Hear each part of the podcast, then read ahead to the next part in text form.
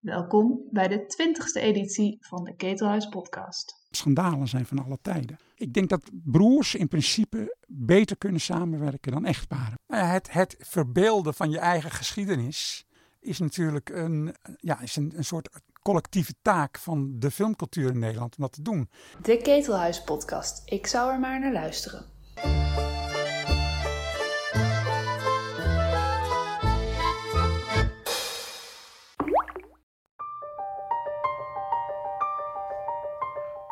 Het is weer tijd voor de filmzolder van Berenkamp.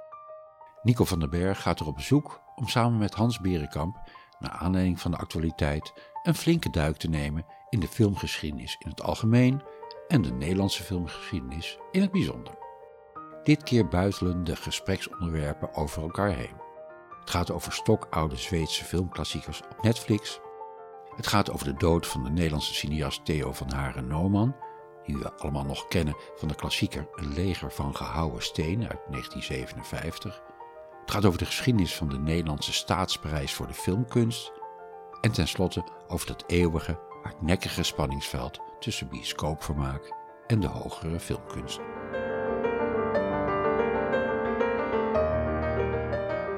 Hans, wat heb jij recent ontdekt aan bijzondere vondst op Netflix? Nou, er staan uh, sinds uh, kort een stuk of dertien klassieke, zwijgende Zweedse films op Netflix. Restauraties van het uh, Zweeds Filminstituut, zeg maar het Zweedse AI, uit uh, de periode van de zwijgende film. En dat zijn films die ik uit de boekjes ken, uh, uit de literatuur. Maar ik had, nee, ik had ze eigenlijk geen ervan had ik ooit gezien. En die, die staan dan ineens op Netflix in een puntgave restauratie in een uh, getint. Hè, dus dat die, die, die, die negatieven die werden door een bepaalde bad gehaald, zodat ze een, een, bepaalde steunkleur kregen. Dat is ook allemaal heel mooi gedaan. Uh, het zijn films die op de een of andere manier, ik heb er nu twee helemaal gezien, onder de huid kruipen. Het is heel raar. Eén heb ik gezien zelfs helemaal zonder geluid, Terry Wiegen. Ehm, dat is een film uit 1917. Uh, van uh, Victor Sjöström, die later in Hollywood zich Victor Seastrom zou noemen. Een van de grondleggers van de Zweedse cinema. Als hele oude man speelt hij nog de hoofdrol in Wilde aardbeien van Bergman in 57. Maar hier speelt hij ook zelf de hoofdrol van een zeeman die uh, tijdens de blokkade in de Napoleontische oorlogen van Noorwegen naar Denemarken roeit. Victor Sjöström is toch wel een van de, van de grondleggers ook van de Zweedse cinema. Ja. Zou je dat misschien ook Samen kunnen zeggen? met Moritz Stiller, en dat is een andere film die ik zag. Uh, dat is ook de ontdekker van Greta Garbo. Beiden zijn op een gegeven moment naar Hollywood vertrokken. En hebben daar veel minder uh, succes uh, gekregen dan ze in Zweden hadden. Zweden was in de jaren 10 en 20 echt een toonaangevende natie in de wereld. Als het gaat om filmproductie. Uh, alleen Denemarken was nog net iets eerder, dat weten veel mensen niet. Maar Denemarken uh, uh, was eigenlijk de eerste filmindustrie, Nordisk film vanaf 1906. Eerste internationale filmster, Asta Nielsen. maar vrij snel daarna kwam Zweden en dat waren dus mensen, dat was Victor Sjöström en Moritz Stiller. Zijn film Eroticon heb ik net gezien gisteren. Nou ja, het is, het is geen porno, als je dat misschien denkt, maar het gaat wel over erotiek. porno bestond ook al in 1920 hoor. Ik bedoel, dat, dat laten we ons er vooral geen illusies over maken. Zweden was toen al een heel vrij uh, land. Uh, Zweden was best vooruitstrevend, zeker, ja. Ja, zeker toen ook al in een bepaald opzicht. Dat eroticon is een beetje een Lubitsch-achtige komedie. Oh, de ene wil de ander, maar de ander wil de ene niet. Er zitten heel veel erotische toespelingen op, maar het is allemaal onderhuids. En daar zat dan wel muziek bij, een soort um, ironische, hele minimalistische muziek die ik buitengewoon effectief vond. En op de ene manier blijven die beelden steeds maar hangen. Maar ook qua filmproductie waren ze volgens mij al heel erg vooruitstrevend. Ik ben een paar jaar geleden ben ik een keer ook in Filmstaden geweest. Dat was volgens mij ook de filmstudio, Zeker, even ja. buiten Stockholm. Waar het allemaal ook uh, begon. Ik kan me wel uh, borden herinneren uh, waar Maurits Stiller en waar Victor Sjöström ook hebben gefilmd ja, volgens mij was het echt ook in dat opzicht heel vooruitstrevend om in zo'n voor die tijd modern complex films te maken. Ja, nou kijk, het bijzondere van Sjöström was wel dat hij juist dat hij ook voor het eerst op locatie ging filmen. Dat hij dus ook echt op zee met die enorme 35 mm camera's die toen nog mammoetachtig groot waren. Ging hij dus op zee een roeiboot filmen. Kijk, er zijn filmhistorici die beweren, en ik denk dat daar wel iets voor te zeggen is, dat er geen land ter wereld is wat uh, in relatie tot het inwonertal zo'n invloed op de internationale filmcultuur heeft gehad als, als Zweden. Het is ongeveer 10 miljoen inwoners nu, dus iets meer dan de helft van Nederland. Nou, de namen van Zweedse regisseurs en sterren is natuurlijk uh, enorm groot. En dat is inderdaad begonnen een beetje bij Sjöström en Stieler. En dadelijk overgegaan op Bergman. Een van de uh, gevallen in het Schimmerrijk, de nieuwe uh, dode van de laatste tijd, is Gunnar Lindblom.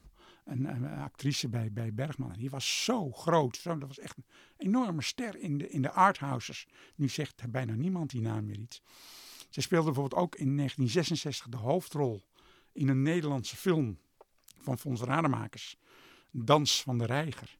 En je zeggen, hoe was dat dan? Nou, dat was een Nederlands gesproken film. Nederlands gesproken, maar dan toch met een Zweedse actrice. Een Zweedse en de Fransman Jean de Sailly als uh, tegenspeler.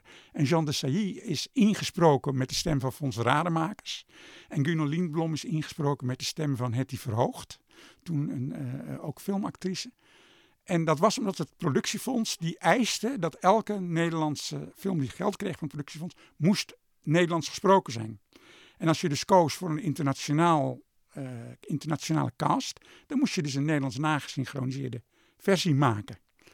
En Dans van de Reiger heeft ook zo in de bioscoop gedraaid. Maar later bijvoorbeeld Charlotte van Frans Wijs of Twee Vrouwen van George Sluizer, die hadden ook uh, internationale hoofdrolspelers. En dan werd er een Nederlandse versie gemaakt voor het filmfonds. En die kwam dan ergens in een brandkast terecht waar niemand hem ooit uit wilde halen. Als je Frans Wijs hoort over de Nederlandstalige versie van Charlotte, dan begint hij nog te gruwen. Dat was verschrikkelijk, maar dat was gewoon een eis van het filmfonds. Eigenlijk zou Netflix dus ook uh, deze Fonds Rademakersfilm moeten vertonen om, een helemaal een, om de cirkel helemaal mooi rond uh, te krijgen. Vind je dat, dat je met de selectie van films die je nu op Netflix ziet, je zei al een stuk of dertien, uh, dat je daar een aardig idee krijgt van de Zweedse film van toen? Of is het echt een redelijk willekeurige selectie? Nou, wat betreft die stille films is het echt, zijn het wel zo ongeveer de hoogtepunten. Wat ontbreekt is, is uh, die Justa Berlings saga van Stiller, waarin Greta Garbo ontdekt werd. Die zit er nou helaas weer net niet in. Maar voor de rest, alle hoogtepunten zoals ik die uit de boekjes ken, die, zitten, die staan daar nu op. En tegelijkertijd is er ook een enorm aantal latere Zweedse films toegevoegd. En ook Deense films. Die dan wat meer, um, ja, dat is een, zou zeggen, is een mixed bag. Daar zit van alles tussen. Uh, goede films, drama's, maar ook krimis, ook uh, romcoms. Nou ja, gewoon een hele gemiddelde filmproductie. Maar ook ineens heel veel tegelijk. En wat ik dus buitengewoon interessant vind, is dat dit nu op Netflix te vinden is.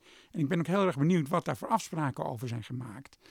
Ik denk dat Netflix voor die klassieke films niet heel veel, misschien wel niets betaald heeft. Dat zou zomaar kunnen, ja. Uh, maar dat het Zweeds Filminstituut als overheidsinstantie uh, het belangrijk vindt dat de wereld daar kennis van neemt. En wat is er nou een betere manier om uh, dat aan te pakken dan door te zeggen Netflix, nou hier heb je 13 door ons gerestaureerde prachtige klassieke films. Uh, je zult er geen hele grote zaken mee doen, maar er zijn altijd wat mensen die het oppikken. En het is een enorme reclame voor de Zweedse filmcultuur. Er is nog een andere land waar dit, uh, ook die opvatting wordt gehuldigd. En dat is Rusland. Kijk, al die, die producten van de, de, de staatsstudio's onder de Sovjet-Unie, dus Mosfilm, Lenfilm, en, noem ze allemaal maar op. Daarvan zijn de rechten terechtgekomen bij de, de, de, de voor zover het in binnen de Russische federatie viel, bij de Russische staat. Dus dat is staatsbezit.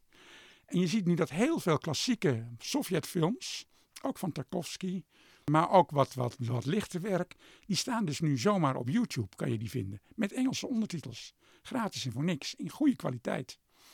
En dat is omdat de Russische overheid het van belang vindt dat de wereld kennis kan nemen van die filmhistorie. Dit, dat is niet omdat de rechten misschien in Rusland vaak wat schimmig uh, geregeld zijn? Nou, die rechten waren niet schimmig geregeld. Dat is gewoon staatsbezit.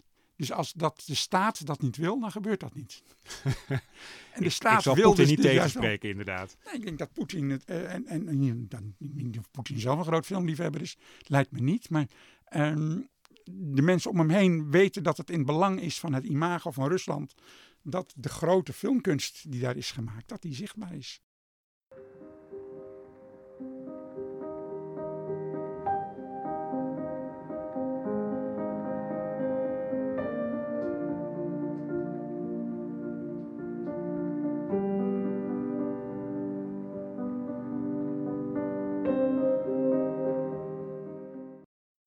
Onlangs toegetreden tot het schimmerrijk Theo van Hare Noman.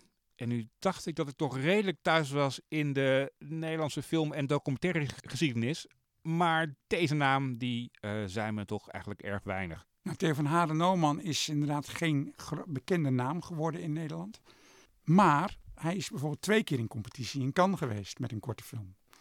Hij eh, is vooral eh, heeft hij zijn geld verdiend met het maken van opdrachtfilms.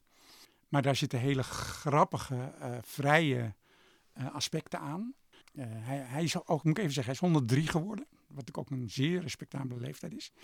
Ehm, heeft het grootste deel van zijn leven opdrachtfilms gemaakt. Maar ehm, was begonnen als cameraman bij het Polygoonjournaal. Waar hij onder meer ook een jonge eh, filmtechnicus ontmoette, Louis van Gasteren. En allebei wilden ze graag films maken. Maar eh, Theo had iets meer ervaring dan Louis. Maar Louis kon beter babbelen. En Louis zei- van Gasteren is ook de bekendere naam eigenlijk geworden Louis in is, de is veel bekender geworden uiteindelijk. Maar in 1950 kende eh, geen niemand eh, ze allebei nog. En eh, toen eh, is eh, Van Gasteren is naar de directeur van Van Houten Chocola gestapt.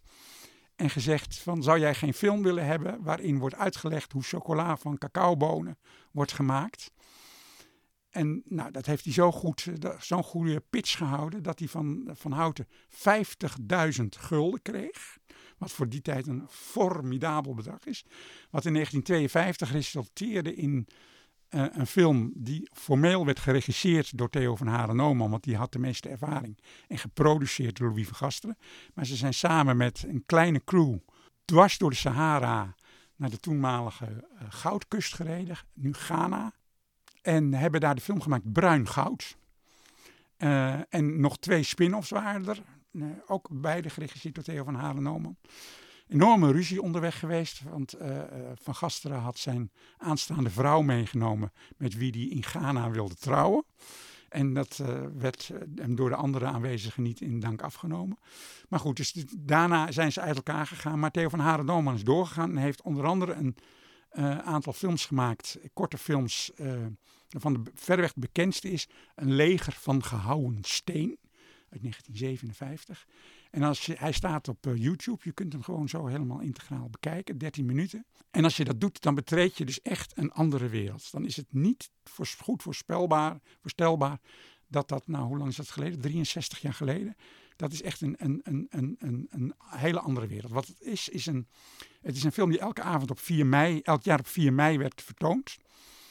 De acteur Ton Lutz eh, draagt op ge- gedragen toon, leest hij verzetspoëzie. En dan zijn de beelden is een collage van eh, een rhapsodie van beelden van verzetsmonumenten. En het is allemaal een prachtige muziek van Robert Heppener, maar ook heel dramatisch, heel gedragen. Het is een ontzettend ouderwets soort film, maar dan eigenlijk op een bepaalde manier wel weer ontroerend, omdat je dat dus nu nooit meer zo zou doen. Steeds denk ik aan den tiende mei, die parelgrijze morgen, en aan de hand die u en mij in het bloesemland kwam worgen. Aan de vernedering en den smaad toen de aanval was geleden, de droefenis, den stille haat, het uitzichtloze heden. Steeds denk ik aan dat ene graf dat nooit een bloem zal sieren. God schonk en nam weer alles af. De mensen zijn als dieren. Deze film, Ga- eh, Leger van Gouden Steen, had zoveel prestige dat er ook een prijs aan is toegekend. De Staatsprijs voor de Filmkunst. Nou, dat is ook iets wat bijna niemand meer kent.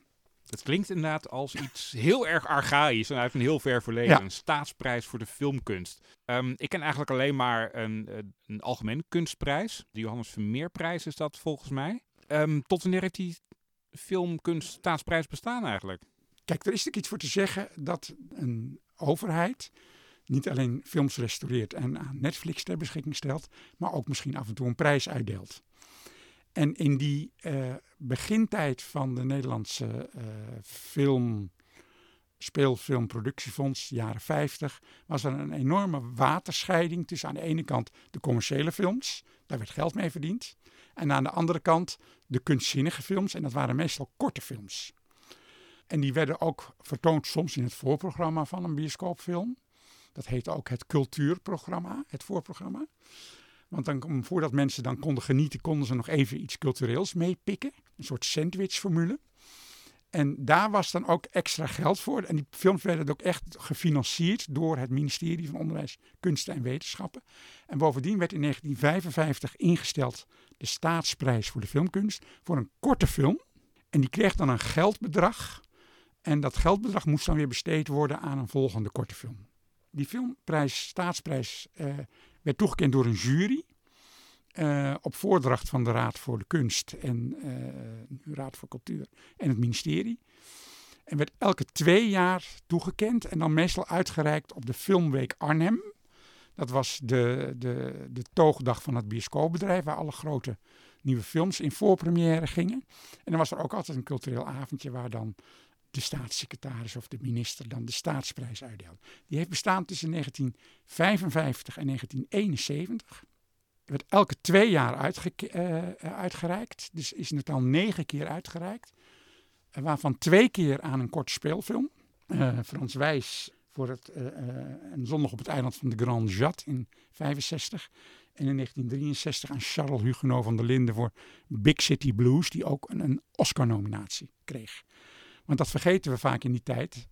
Dat Nederlandse films heel vaak Oscar-nominaties kregen. In competitie in Cannes waren. Er waren gewoon nog niet zo heel veel landen waar uh, ook in allerlei genres films werden gemaakt. En daardoor kwamen we, zeker omdat het toen vaak was van elk land moest dan iets bijdragen, kwamen die films dan heel vaak ook in competitie of werden ook voor een Oscar genomen. Maar dat waren dan vaak documentaires of korte films of korte documentaires? Nou, alle, allebei. Dus in die staatsprijs was twee keer een speelfilm, zeven keer een documentaire. Animatiefilms kwamen ook in aanmerking, maar die hebben het nooit zo ver gebracht. En ja, het, het rijtje winnaars, dat zijn ook voor een deel vergeten namen. Nu, word ik wel benieuwd, nu ik de namen ook al even weet. Nou, de enige die hem twee keer heeft gewonnen was Herman van der Horst. Hollandse documentaire school in 1955 voor Vieren Maar, uitroepteken. En in 1959 voor Prijs de Zee. Allebei rhapsodie-achtige films over het vissersleven. waren eigenlijk heel gedragen uh, uh, films. Herman van der Horst was ook echt een kunstenaar met een soort flambaar, een, uh, een pet die, zo die, die je terpentijn in de bommelstrips ook draagt. Een kun, filmkunstenaar. Nou, dan is hij in 1961 toegekend aan George Sluizer, die ook later wel speelfilms heeft gemaakt. De Lage Landen. 63 zei ik al, Charles Huguenot van der Linden, 65 Frans Wijs. In 67 ook een totaal vergeten naam Peter Kruidsberg filmmaker, antropoloog, die vooral in uh, Suriname en soms in de Antillen uh, filmde. En die de film Corsau. In 69 ging hij naar Louis van Gasteren voor zijn uh, korte film Bericht uit Biafra. En ja, nu zou je zeggen, is dat toch meer een nieuwsreportage, maar dat was toen een, korte documentaire. En in 71 was de laatste winnaar Ed van der Elske voor De Verliefde Camera. In 71 is dat gestopt toen is er een systeem gekomen dat het ministerie ook vast korte films subsidieerde in een soort regelmatige sessies. En daar was dan ook weer een commissie voor, dus er was niet meer echt een jury voor die dan per jaar één prijs moest geven. Maar toen is uh, in, uh, in 1981 natuurlijk begonnen met het Gouden Kalf. Dat was dan de eerste filmprijs die weer werd uitgereikt in Nederland, maar die was niet vanwege de staat. En het Filmfonds heeft in 1996 ook weer een soort overheidsprijs ingesteld. De Bert Haanstra Oeuvreprijs. Uh, die dan meer bedoeld was voor een bijdrage aan uh, het cinematografisch erfgoed. En die werd ook uh, in principe elke twee jaar uitgereikt. Maar omdat er nog alles wat weigeringen waren, waar ik ook het fijne niet helemaal van weet. Het schoof dat wel eens op en dan trad een jury af en dan moest er weer een nieuwe kandidaat komen. Dus eh, die is in totaal vijf keer toegekend. In 96 aan de naamgever Bert Haanstra. En daarna in 98 aan Fons Rademakers. In 2000 weer aan Johan van de Keuken. In 2004 in, aan Paul Verhoeven. En in 2009 aan cameraman Robbie Muller. Die hebben hem dan geweigerd, eh, bijvoorbeeld. Weet je daar iets van? Daar weet ik niks van, Nico. daar hoor ik wel eens verhalen over, maar Oké, dat lijkt me weer een apart research. dat blijft allemaal binnenskamers. eh. ja. ja. En wat ook interessant is, is dat het geldbedrag wat aan die staatsprijzen en in dit geval dan filmfondsprijzen verbonden is. eh, die staatsprijs voor de filmkunst, die bedroeg, dat fluctueerde een beetje. En, maar het was een, een, een aanzet om een nieuwe film te maken. En in 1961, toen George Sluizer hem won, was dat 3000 gulden. Die Bert Haanstra Oeuvreprijs daarentegen was eh 100.000 gulden. En dus toen de euro kwam, werd dat 45.000 euro. En nu is er dus helemaal geen filmprijs, staatsfilmprijs. Maar je hebt dus inderdaad de Johannes Vermeerprijs voor een kunstenaar. En die is 100.000 euro. Dus dat is weer het dubbele van wat die Haanstra-prijs was. En eh, die is twee keer aan een filmmaker uitgereikt. Misschien niet helemaal toevallig, toch weer aan een filmmaker die ook zich met andere kunsten bezighoudt. Dat was in 2010 Alex van Warmerdam, ook eh beeldend kunstenaar en toneelmaker. En in 2016 aan beeldend kunstenaar en filmmaker Steve McQueen. Wat zegt het eigenlijk over de, over de Nederlandse overheid dat ze eh, in de jaren 60 eh, die staatsprijs voor de film uitreikte? Kan je daar iets uit concluderen over het belang wat ze toen aan film hechten? Nou, kijk, wat, wat we ons nu niet meer helemaal kunnen voorstellen is hoe dat filmklimaat er in de jaren 50, 60 uitzag. Er was bijna niks. En eh, er was in commercieel opzicht was er bijna niks. Voor Fanfare was er eens in de 1 à 2 jaar was er een Nederlandse film die dan meestal ook wel weer eh, flopte, maar in ieder geval altijd negatieve recensies kreeg. En korte films en documentaires was eigenlijk het enige waar we eer mee konden inleggen internationaal. Maar ook die werelden waren enorm gescheiden. Je had aan de ene kant had je de, de, de, de commerciële eh, bioscoopwereld. Dat waren mensen die, die nog geen boek lazen, zal ik maar zeggen. Dat was, dat was echt, ja, dat was eh, vermaak en vertier, waardoor de elite ook ontzettend op werd neergekeken. Van ja, bioscoop, ja, daar, daar ga je toch eigenlijk, ja, ga je naartoe en dan beetje, doe je een beetje je kraag omhoog, dat mensen je daar niet zien, zien binnenlopen. Eh, dat was allemaal nog een beetje groezelig en van de kermis. En dat, was, dat deugde niet helemaal volgens de overheid. En de overheid zei, ja, laten we dan het culturele aspect toch wat een boost geven. En dat doen we dan. Blazen in de bus, we geven 3000 gulden. Pak er groots uit. Voor de staatsprijs voor de filmkunst. En, eh, en dat doen we dan weer op die filmweek Arnhem. Waar vooral alle bioscoopboeren met hun vrouwen dan een weekje in een hotel zaten. En ze gezellig de bloemetjes buiten zetten om eh, de nieuwe James Bond in première te zien gaan. En daar was dan een avondje en daar werd dan weer een staatsprijs voor de filmkunst uitgereikt. Maar die werelden die, die, die kwamen eigenlijk nauwelijks bij elkaar. Arnhem, de hoofdstad van Gelderland, is voor een week ook hoofdstad van Filmland geworden. In het kader van het Holland Festival en tevens ter viering van het 60-jarig bestaan van de cinematografie is er namelijk de Filmweek Arnhem 1955 georganiseerd. Onder de talrijke aanwezigen bij de openingsplechtigheid merkten we onder andere op de directeur van de Nederlandse Bioscoopbond, de heer Bosman, de pas geridderde Nederlandse filmpionier, de heer Van Bienen en de Franse filmregisseur Yves Allégret. De filmweek werd geopend door Arnhems burgemeester, de heer Matser, die onder andere verklaarde dat men het er tegenwoordig over eens is dat de film van een soort wetenschappelijk speelgoed van uitvinders is geëvolueerd tot een cultureel medium dat geheel is afgestemd op de bijzondere structuur van ons huidige geïndustrialiseerde leven en samenleving. Zich ontwikkeld heeft tot een eigen vorm van kunst, welke evenzeer recht heeft op onze aandacht als welke andere kunst ook. In dat licht moet je het een beetje zien. Had dus filmkunst, dat was moeilijk en zwaar en bijzonder. En dat was voor de elite. En het bioscoopbedrijf, ja, dat, was, uh, daar, daar werd geld verdiend. Was het dan een soort van verplicht nummer dan, die uitreiking tijdens zo'n bioscoop? Ik kan me voorstellen dat veel van de bioscoopboeren uh, daar niet heel erg op zaten te wachten. Nee. Nou, dat, dat, daar zit je er denk ik niet veel naast. Het was een soort aflaat. Zo van, laat ons nou gewoon uh, niet te veel vermakelijkheidsbelasting betalen. Uh, laat ons onze gang gaan. Kijk, er is ook een enorme strijd geweest om het bioscoopbedrijf te laten meebetalen aan dat productiefonds. En dat productiefonds, dat was natuurlijk een soort compromis. Dat werd voor de helft gevuld door het bioscoopbedrijf en voor de helft door de overheid. Maar de, commissie die besloot welke films er gemaakt werden, die werd natuurlijk geheel gedomineerd door de, ik maar zeggen, de, de dominante elitaire cultuur. En daar heb je dus de naweeën nog van gezien in die gevechten die, die Paul Verhoeven in, tot in de jaren tachtig moest leveren. Dat hij geen ordinaire films mocht maken, want daar, daar werd geen overheidsgeld aan besteed. En dat is eigenlijk pas in de loop van de jaren negentig, toen ehm, eh, al die, die incentives, production incentives kwamen, is voor het eerst door de overheid ingezien dat we ook het filmbedrijf moeten ondersteunen. Dat het ook in zichzelf een waarde is dat er in een land een uh, continue filmbedrijvigheid is. En dat daar ook best geld mee verdiend mag worden. En dat je dat ook moet stimuleren. Maar dat is pas heel laat doorgedrongen. En zeker in die begintijd waren dat ja, werelden die elkaar alleen dan in Arnhem bij de uitreiking van de staatsprijs voor de filmkunst even raakten. Maar je zou ook kunnen zeggen dat het niet alleen voor de bioscoopboeren een aflaat was, maar misschien ook voor, voor de overheid. Die misschien beter dan een prijs daarvoor uitreiken en instellen, ook meer hadden kunnen investeren in een goed Nederlands filmklimaat. Nou ja, kijk, ze hadden natuurlijk ook geen affiniteit mee. Hè? Dat was het grote probleem. Van wat moest je dan voor verhalen vertellen? Het enige wat eigenlijk uh, waar het brede publiek en de filmkunst elkaar raakten, dat waren dan vaak films over de Tweede Wereldoorlog. De Overval bijvoorbeeld. Dat was zo'n film die met scenario geschreven door Dr. L. de Jong.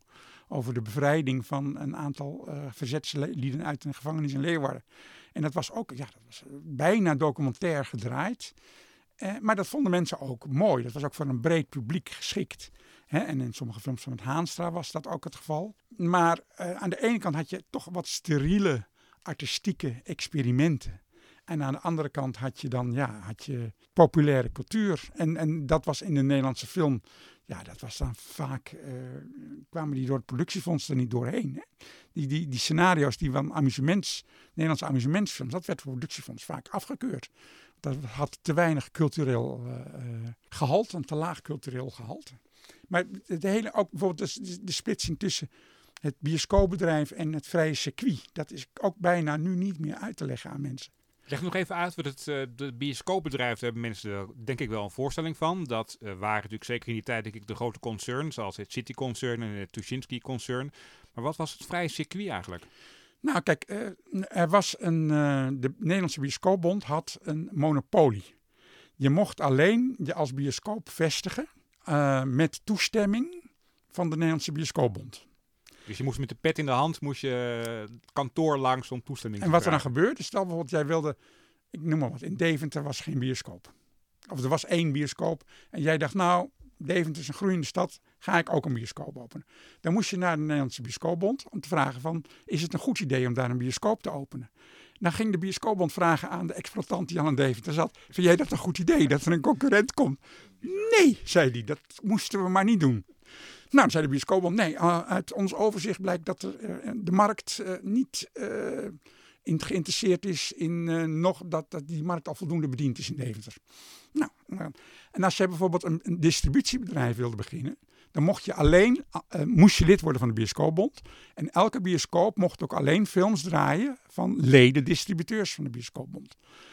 Nou, dat was natuurlijk een, een ontzettende gesloten. Uh, uh, daardoor werd wel weer dat daarom het bioscoopbezoek in Nederland in, tot aan de jaren negentig zo laag was omdat er geen enkele innovatie was. Want alles werd geremd door dat kartel van bedrijven. Uh, die zeiden van ja, wij weten hoe het hier moet. Wij weten hoe de markt hier ligt. En dan moeten we concurrenten laten we niet toe. En toen op een gegeven moment in de jaren 60, 70 kwam er natuurlijk opstand tegen alle regenten. En ook in de filmwereld waar de mensen van ja, maar wij willen films vertonen die uh, niet uh, uh, zijn goedgekeurd door het kartel. En die gingen toen eigen filmtheaters oprichten. Mochten zich geen bioscoop noemen, want dat was een beschermde term. Dat was alleen een bioscoop als je lid was van de bioscoopbond. Dus dat werd dan een filmhuis. Of later een filmtheater. En die gingen dan ook films vertonen van distributeurs die niet aan waren gesloten bij de Nederlandse Bioscoopbond. En dat was bijvoorbeeld Cinemien. Dat was uh, Film International, de distributietak van het Rotterdamse Filmfestival. Dat was uh, meer politiek, maatschappelijk ge geëngageerde film, Fugitive Cinema. En die vormden dus met die filmhuizen en met die vrije distributeurs het vrije circuit. En dan was er wel eens een film bij die zo succesvol was in dat vrije circuit, dat de bioscopen zeiden van nou, dan was er wel ergens een bioscoop, ik zou maar zeggen de Movies in Amsterdam. Zei nou, die willen we ook wel draaien. Dan krijgen ze meteen op een donder van de bioscoop, want dat kan niet. Je gaat niet mengen met het vrije circuit, want dan is het einde zoek. Als we eh, die sluizen gaan openzetten. We hebben uh, gecontroleerd handelsverkeer alleen met onze eigen leden. Nou, en dus die werelden die waren ook tot in de jaren negentig totaal gescheiden. Geen contact, water en vuur. Nog even terug naar die staatsprijs waar we het net ook over uh, hadden. De laatste uh, regisseur die hem heeft gekregen was Ed van der Elske. Als je net het rijtje opnoemde, dan zou je van der Elske misschien wel kunnen zien als de Angry Young Director van het rijtje. Uh, was het daarmee ook niet geheel toevallig dat hij de hekkensluiter was en dat na hem die prijzen is opgegeven? Zeker. In de jaren zeventig was er natuurlijk uh, dat soort mensen als Herman van der Horst met zijn flambaar. Theo van Haren Noman was natuurlijk ook, ja, dat werd toch niet meer echt uh, serieus genomen. En kijk, in, Frankrijk had je de Nouvelle Vague, de nieuwe golf die zich afzette tegen de cinema de papa. In Nederland heette dat de eerste golf, uh, is dat genoemd, in een boekje van uh, Dorothee Verdaasdonk, omdat er niks was om je tegen af te zetten. Het enige wat je dan had, was die Hollandse documentaire school en Bert Haanstra. En er zijn wel een paar hele zure stukken geschreven in Scope door Wim Verstappen en Pim La Parra tegen Bert Haanstra. Dat dat toch wel heel erg oudbollig was en dat het weg moest en dood moest. Maar um, ja, het was wel zo dat de tijden veranderd waren en dat zo'n staatsprijs van de filmkunst voor toch een betrekkelijke fooi, zal ik maar zeggen, je dan weer een nieuwe film mocht maken van meneer de overheid. Um, ja, dat, dat, was, dat was een beetje op. Dus dat is echt verdwenen in, in de, de, de maalstroom van de tijd, zal ik maar zeggen. Is dat gelukkig maar? Uh, zou er weer een nieuwe staatsprijs voor de filmkunst moeten komen? Of vind je juist dat de overheid zich daar verre van moet houden? Nee, ik vind het eigenlijk wel aardig dat uh, de overheid dat soort prijzen uitreikt. Ze doen met literatuur bij de bij PC Hoofdprijs bijvoorbeeld. Je hebt uh, ook dingen als Prix de Rome in de beeldende kunst. En nu heb je voor film eigenlijk alleen dus samen met alle andere kunsten, van architectuur tot vormgeving, tot theater, uh, uh, tot opera. Nou, mag je eens in de zoveel tijd mag daar een, een filmmaker die liefst ook nog iets anders doet, mag aanschuiven bij de Johannes Vermeerprijs. Ik zou het wel aardig vinden als de staat, maar het mag voor mij ook het filmfonds zijn hoor. Maar misschien is de staat die dan net iets meer afstand heeft, is misschien nog zuiverder zou ik het wel mooi vinden als daar weer gewoon een, een, een, een fors geldbedrag elk jaar beschikbaar zou komen voor iemand die, en dan vind ik die, die formulering van de Bert Haanstra oeuvreprijs vind ik wel aardig, die een bijdrage heeft gegeven aan het cinematografisch erfgoed. Dat zou ik wel, wel mooi vinden eigenlijk. En als je op dit moment filmmakers zou moeten bepalen die de prijs nu zou gunnen, wie komt dan bij je naar boven? Dan zou ik zeggen dat Frans Wijs daar nu wel voor aan de beurt uh, moet komen, ja. Want? Nou ja, hij heeft ooit die staatsprijs in 65 gekregen, maar hij heeft tot een paar jaar geleden uh, en eigenlijk nog steeds is hij doorgaan aan het filmen. En dat is eigenlijk van een vrij hoog gemiddeld niveau.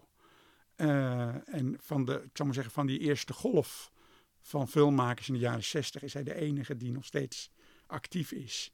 En eigenlijk altijd goed is gebleven. Zou ik zeggen, nou, dat, kijk, het is toch, je geeft het aan iemand met een enorme verdienste die er iets heel lang heel goed heeft gedaan.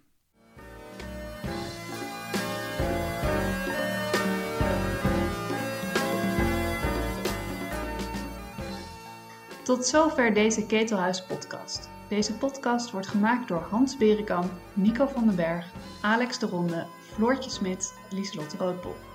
De Ketelhuis-melodie werd zo'n 20 jaar geleden gecomponeerd door Sylvia Holstein. Je vindt de Ketelhuis podcast in je favoriete podcast app en natuurlijk op onze website ketelhuis.nl slash podcast. Abonneer je vooral zodat je geen enkele aflevering mist en leuk als je een reactie achterlaat. Hou ons in de gaten, we zijn snel weer terug met een nieuwe podcast.